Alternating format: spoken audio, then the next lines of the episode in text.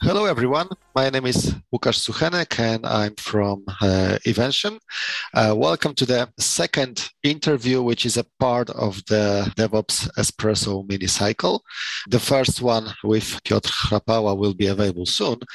And uh, this cycle is a part of uh, DevOps at Enterprise Forum, which will take place on uh, October 12 and 13 in Warsaw, but in hybrid form, which means that uh, it will be also broadcasted. And the first day of the conference uh, will take place in the hotel, and the second one with workshops uh, will be fully online. This interview uh, will be also published uh, in the report about DevOps, which will be published in November.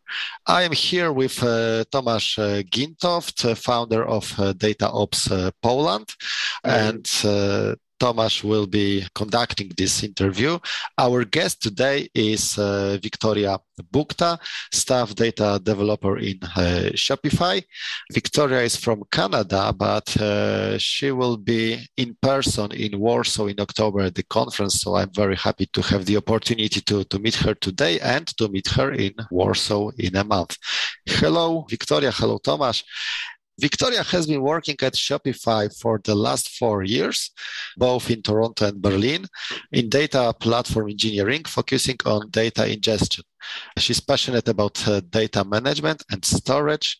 Victoria has been leading the charge at Shopify for the uh, adoption of uh, Apache Iceberg.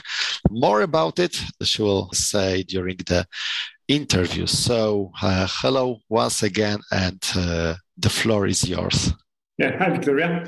So at the beginning, I will not hide it that DataOps is something close to my heart. So I think this discussion will be maybe not long because Łukasz will cut it. but yeah, uh, it will be something really interesting. So before we start, short introduction, what's going on in internet and why data is so important and working in the data, it's like the crucial in the, this time. So let's think about what's going on in internet in uh, the one minute. Uh, so it's 60 seconds. So it's like a 3.8 million searches in Google. People generates like 8,700 tweets per each uh, minute. There is almost 100 hours new uh, videos on uh, on YouTube. So it's thousands of the data, right? Not sure it's happened uh, before. And moreover, the disk space is so cheap. I think it's around $0.2 in uh, Google providers. So we can store thousands of data, uh, petabytes. So, Victoria, why data is so important and what does it mean for you, the data ops, data operation? So, data is huge. And a lot of people like to talk about data as if it's the new oil. And I think it very much, it very much is.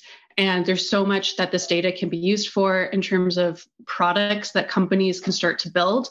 I think for a very long time, people were building products at companies that were they were built from the ground up with nothing. And now we're looking at products that are built from the data, built with the information about how products are actually being used. And this can be used to inform how future products are built or build new products for customers. At Shopify, a lot of the things that we do are around how do we improve the life of our merchants. And there's a lot of things our data can tell us about should you pre ship a bunch of product to a certain location um, to our fulfillment centers? Like, how can we reduce the carbon footprint of, of shipping? Like, this is one of like, this could be like someone's project at Shopify. So, there's a lot of things that can be built with the power of data, but managing it can be very, very difficult. Like those numbers that you just said, if you thought about each of those as like a metric, you have to store this, you have to efficiently query the data, you have to make sure that it's correct. So there's a lot of work behind the scenes that goes on in terms of the processing and analytics to actually build a successful product with the data. It's a whole industry of, an, of its own. So, like you mentioned, the data is the new oil, and full agree uh, with that. So that also means that there is some new roles, right? It's not only the develop of the application, but also the uh, data analytic. It's so important, right? And me, I mean, the data ops, it's like something new, but still there is a gap in the market that we can take some decision based on the data, not on our intuitive, right? But on, the data. So how the um, Shopify is working on that? I mean, you are more still thinking, oh, we will do that, or you are looking in the data and you prepare the data and here is the report. The thing is, when it comes to data, depending on what you're trying to build, there could be uh, several levels of indirection, several steps of pre processing, and some of those models could be reused for other projects. And this is often like how various teams are set up is they build like base models that could be used for a bunch of different analytics and reports but we have to make sure those reports are correct. And because of all the different steps each step might be owned by a completely different team. So you have to have a contract that you can prove that what your output is correct on every step of the way.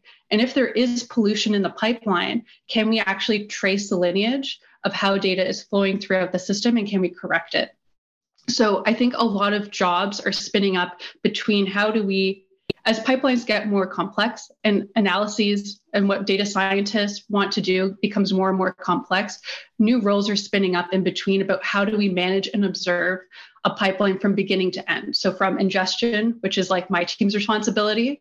So for context, what my team is responsible for is I don't actually do any analytics, but I'm the, the first part of the pipeline of how data gets into our data lake so that it can be analyzed. So I don't transform data, I just move it from point A to point B. And I have to prove that I've done that correctly. And then there'll be lots of pieces of analytics along the way. So m- being able to track the lineage and how it's processed and prove correctness and thinking about how we can fix our pipelines in real time I think there's a lot of job opportunities there about, about how to solve these problems. These are really, really hard problems. Like I mentioned, there is a, some difference between software develop and the data ops. So in software, the end customer it's some user or some teams, and data ops, who is your uh, end user? So this is a really interesting question because I think it depends who you talk to and what team you're on, right? What is your product? On someone at the end of the pipeline, their product might be like the end merchant or like a, an outwards facing customer to your company. But internally, for example, on my team, my customer is actually the data scientist internally. So I have an internal customer to the to the company. So it really depends on who who you talk to.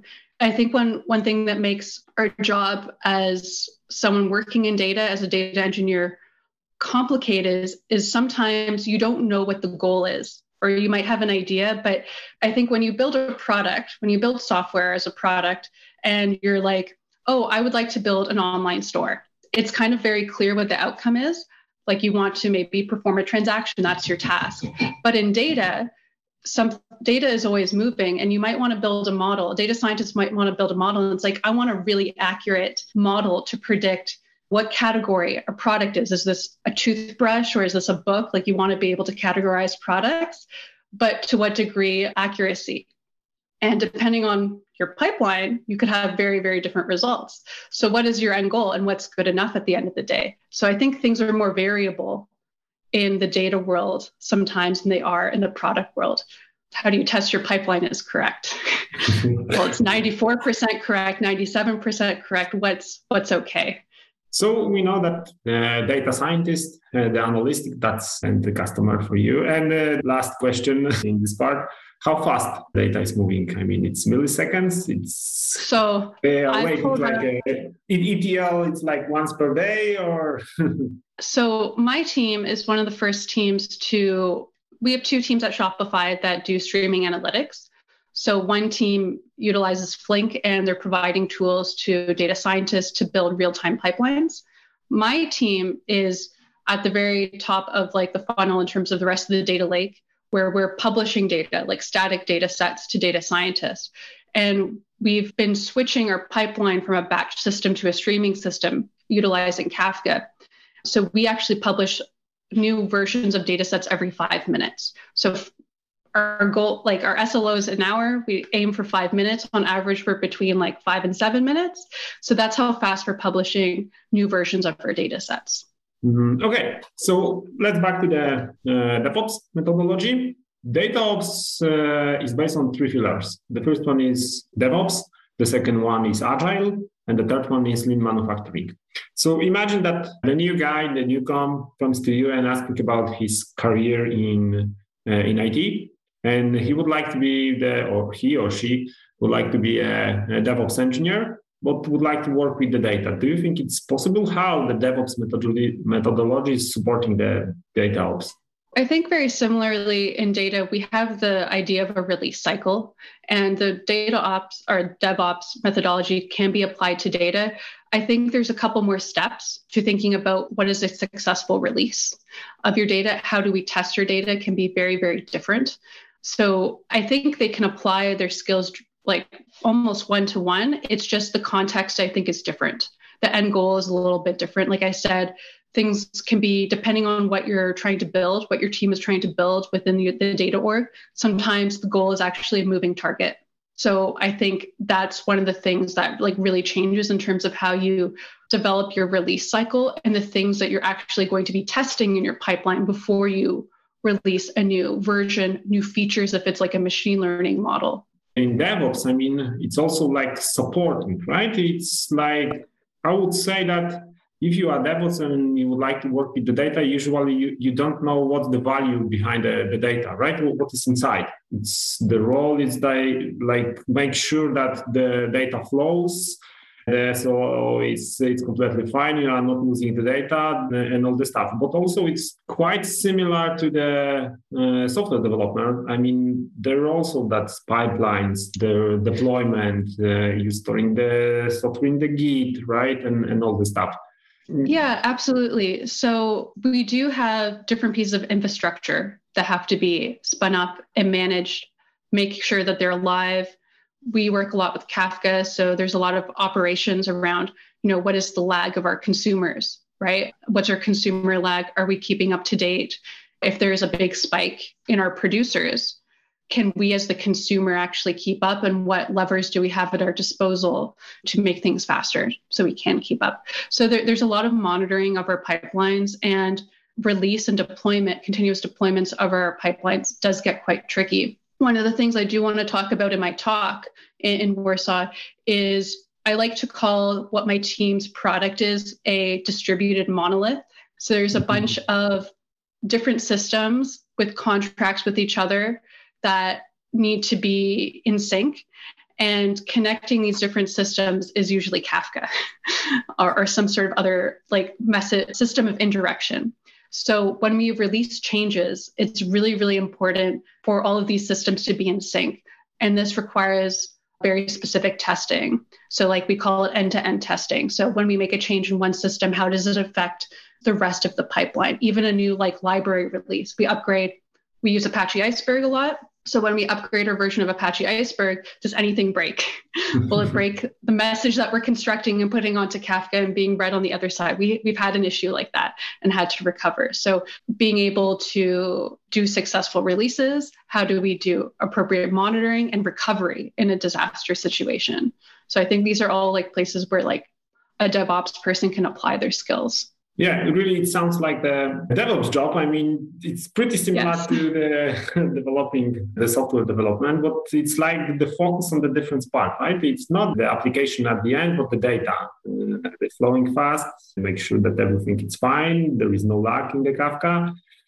So yeah, if we are uh, talking about the Kafka, so let's talk about the tools, okay? Some technical stuff.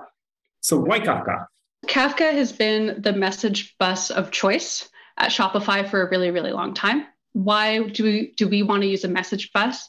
We want to get we want to provide near real-time analytics. So not necessarily real time, you know, talking about seconds latency. Like that would be, I mean, everyone would love that, or data scientists would love us if we could provide something like this. But in practice, it's very, very difficult to, to have a successful offering of something like that. So we have a five minute publishing cadence with our pipeline. Sometimes a little bit more frequent, but basically, maybe, I can give like an overview of what our pipeline is. So we run Kafka Connect.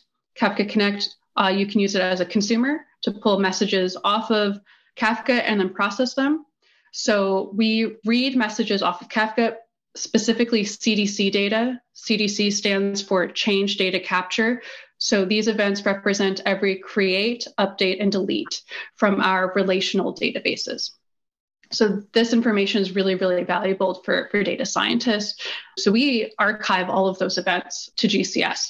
So we have a pipeline that reads those events and writes them as Parquet files to GCS. GCS is an object store. And Parquet files are like kind of our file format of choice that we use for, for data analytics. And on top of that, we use Apache Iceberg to manage those files. So we have a pipeline that reads those CDC events and writes them as Apache Iceberg Parquet files to our data lake and makes them accessible to data scientists. So we publish data every five minutes. And there's a lot that goes into actually processing those messages. So there's some transformations, flattening the data. There's some privacy enforcement that goes on. Data will go into different places, whether it's like uh, sensitive versions of the data or non-sensitive da- versions of the data. So there's lots of like movement of data that my team is responsible. But at the end of the day, we move data from point A to point B, and that that's kind of like our contract. And what about the monitoring or observability? So you use some uh, internal tools, or it's open like Prometheus, or maybe some uh, enterprise? We host everything in house right now. So we upstream from us, there's a team that's using a tool called Debezium to actually collect those CDC events. So we have a lot of metric. We our monitoring tool of choice at Shopify is Datadog. So we use Datadog to observe how fast those topics are getting published to. We have Datadog metrics from our Kafka consumers that publish the lag. How far are we falling behind? What is our speed? And then we also have our publishing rate. So we can consume really fast. What we end up doing in Kafka Connect is we're buffering files. So then there's also the publishing component. So how fast are we actually publishing? Are we meeting like our SLO to our data scientists on the other end? So we have metrics on different pieces. One thing I'm going to get into my presentation is that I, I, mentioned this distributed monolith. So I, am talking about things as if they come into one machine and they come out the other, but it's not. In reality, we're actually submitting a request to commit files to our data lake into another Kafka topic. So there's a couple different like systems that connect, and we have to monitor the lag of each one and produce a metric at the end of the day that's what is the lag of the, our entire pipeline. So even before us, from an event happening in our relational database at Shopify, at what time will is it actually available in the data lake to be read by data scientists? Because of a lot of metadata that we collect along the way from each system, we're able to publish like this metric as well. So there's a lot of monitoring that happens in between. Like maybe one thing that I didn't quite talk about was also the data quality on the other end. So like in terms of what we produce, is it up to snuff for the data scientist. So, how do we prove that we actually collected every single message off of Kafka? So, we use business logic around what is about like how Kafka works. So, Kafka has a monotomically increasing offset uh, per partition.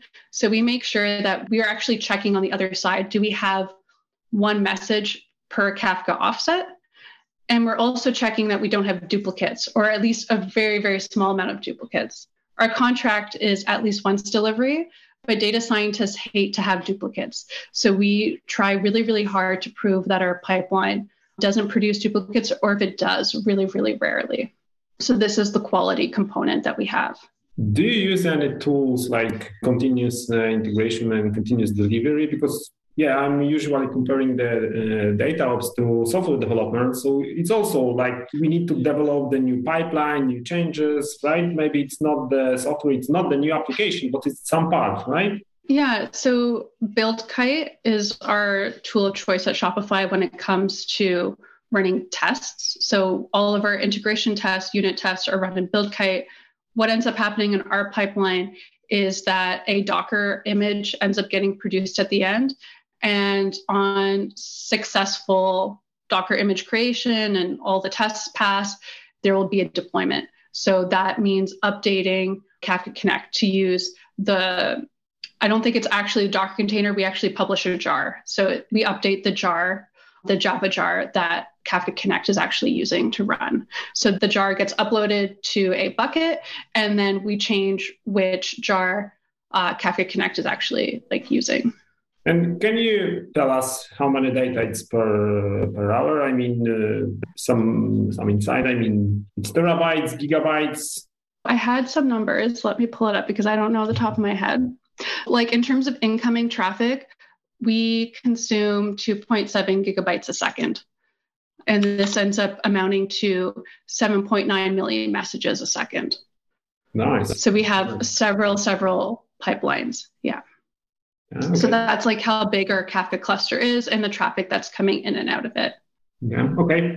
And once again about the DataOps environment, because it's uh, some new idea. Uh, the people, when people working with the data, they don't use the development environment. There is no uh, environment like similar to the production because usually we need the data, right? And it doesn't make sense to copy the data, let's say, few terabytes just to check it's something working. So I also heard and have several uh, discussion about it, and some people start using something what they call the innovation pipeline. So it means they reading the data from production uh, usually it's only the read, so there is no changes.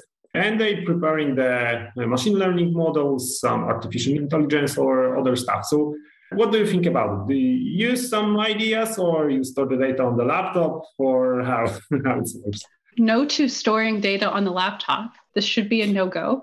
Um, but in reality, a lot of people do that. I'm not going to lie. So I think this is a really good question around do we have the right tools so that people can do their job?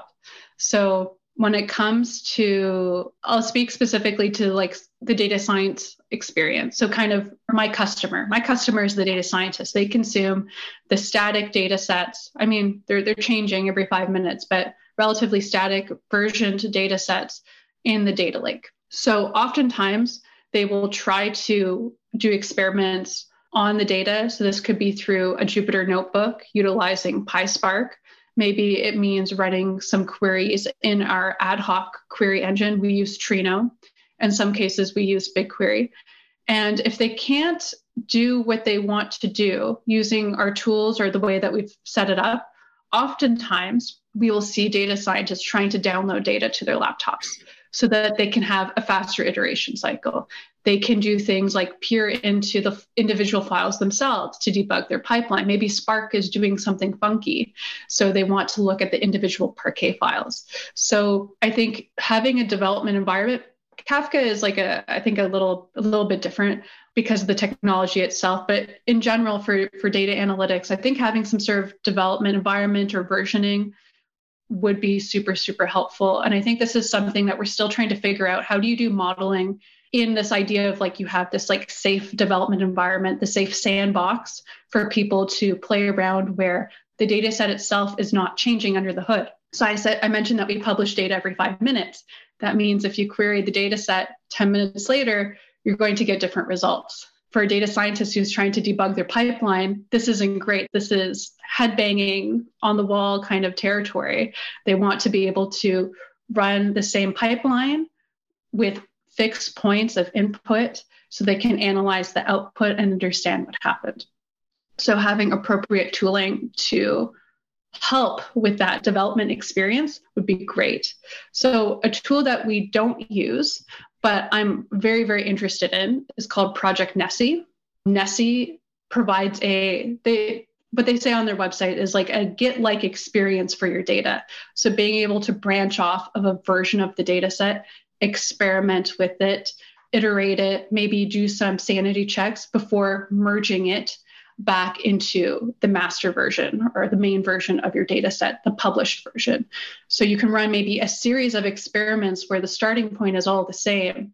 And then you take the best pipeline. This might happen frequently in machine learning or like AI, where you're trying to see which features actually produce the best results. What kind of weights for different features like have the best results? You have to actually run those experiments before you know which version you should actually publish and release. So I think a development environment would be super, super useful for those like analytics use cases. But what we have instead is people copying around data, not necessarily on their laptop all the time, which people shouldn't do, but even in their sandbox GCS environment. So they're copying data to a static folder, and then they're running Spark against that folder and uh, doing their own analytics. I think it's a, uh, the great explanation how the DevOps uh, methodology can help in the data to help to organize everything, to deploy pretty fast, yeah to be helpful right to save the time analysts uh, data analysts and uh, data scientists it's something like they should focus on the data not on how to do that there should be someone else who is thinking how we can do faster better and uh, like make life easier right not and and safer and safer yeah, right because because once once the data moves out of the main like data lake I don't have oversight of it. I don't know what's where. Can it be deleted, cleaned up? What does that data actually contain? So this starts to become like a, a privacy and security issue when data is being copied and moved all over the place. And I think it's the result of not having the right tools, right? And this is where a data ops or DevOps team could come into come in and say like what tools are actually missing, what kind of operations do people actually want to do, and how can we make them succeed? In a way that's like compliant and we have oversight over how people are doing things, how things are moving around, and things get appropriately cleaned up at the end of the day. In one of the projects that I had opportunity to cooperation, my friends uh, had a joke that uh, it's pretty easy to figure out which engineer is the uh, data scientist because they have the the best laptops, the fastest, and all the stuff. You know, the, the uh, plenty of the memory, CPUs, because they store everything on the the disk and they run all the tests uh, on laptop instead of the doing in uh, like proper way to, to all the step all the, all the stuff because they working on that. I mean. Uh, they're preparing all the ideas it's like the data right i mean and we need to find something what is covering the data it's hide there so it's not like not so easy to uh, connect all the dots hidden in data. Absolutely. Yeah, I forgot to mention at the beginning there is data ops manifest, which is pretty similar to, to DevOps. So if you are interested in, just check the DevOps manifest. Uh, it's available in uh, internet. So the last question: What we can expect on uh, your presentation in Warsaw here? It will be it's more uh, by uh, use cases, or you would like to show how your team is working, or it's more technology, like you showing some tech stuff. What I want to present on is I, I, mentioned before that my team has this thing that we like to call the distributed monolith. So, what I would like to talk about is how do we monitor our distributed monolith? How do we make sure we have a successful release? So, having end to end testing and how our end to end testing actually works. And then on the other end, one thing that's really important to us is our quality. So, do we have every message that was put onto Kafka at least once? And what's their what's our metric for duplicates, which is really really important for data scientists to know that our pipeline either has zero duplicates at all, so they don't have to dedupe the data themselves, or that they can use everything because there's only a small, small percentage of duplicates. So I think that's one part that's that's really unique to us that maybe someone else who's not working in the data space wouldn't really care about. If you reprocess the message, usually that's okay. For us, that's not great. If we have to go back and reprocess, and that's that message ends up being appended to to our data sets, that's not okay. And one other interesting thing is the disaster recovery. So we have a dead letter queue that we we manage. So when we can't process certain messages, they end up in this other location and how do we publish a metric called a stop threshold which i think people in data this is a concept that they're really familiar with like at what point in the data is the data set safe to read? So you should actually filter on this stop threshold that we produce. So how do we actually come up with that number in our always on pipeline? Okay. So that, those are the things i'm going to talk about. So why kafka and uh, maybe pulsar or redpanda oh, like why do we use Kafka like as our message bus? I'm probably not the right person to mm-hmm. answer this question. Shopify for a very long time, ever since I, I joined, we had our own Kafka operations team. So they're like in charge of managing it. I think Kafka has probably been ahead in the industry for a very, very long time. There was some question when we did the move to the cloud, like to Google Cloud Platform, whether we should adopt something like PubSub, but we've always stuck with Kafka. So, like, there's always been some question of like whether we should switch. But there's so many tools open source tools that that plug into kafka. It's become sort of the standard. I know that there's lots of other tools popping up as alternatives but kafka is really core to a lot of the tools that are powered within shopify. Not necessarily data related but also like application related. So it'd be really hard to switch that as a technology under the hood yeah, that's true. Usually, Kafka is the heart of the all the data operations in company. I mean, it's so easy, so great, so fast that it's hard to replace. And also the old one. I mean, it was developed in LinkedIn, I think, right at the beginning before the Confluent. Yeah, I believe so. So, thank you. That was my last question and uh, book your time because yeah we have a i believe we will have a really good discussion in warsaw and it's exactly a month right in next month yeah it's exactly a month Thank you very much for this uh, interesting uh, discussion. I hope uh, it will be developed uh, during the, the presentation uh, during the conference in October. We will meet, uh, as you said, exactly in a month. So thank you very much to all who watched this interview.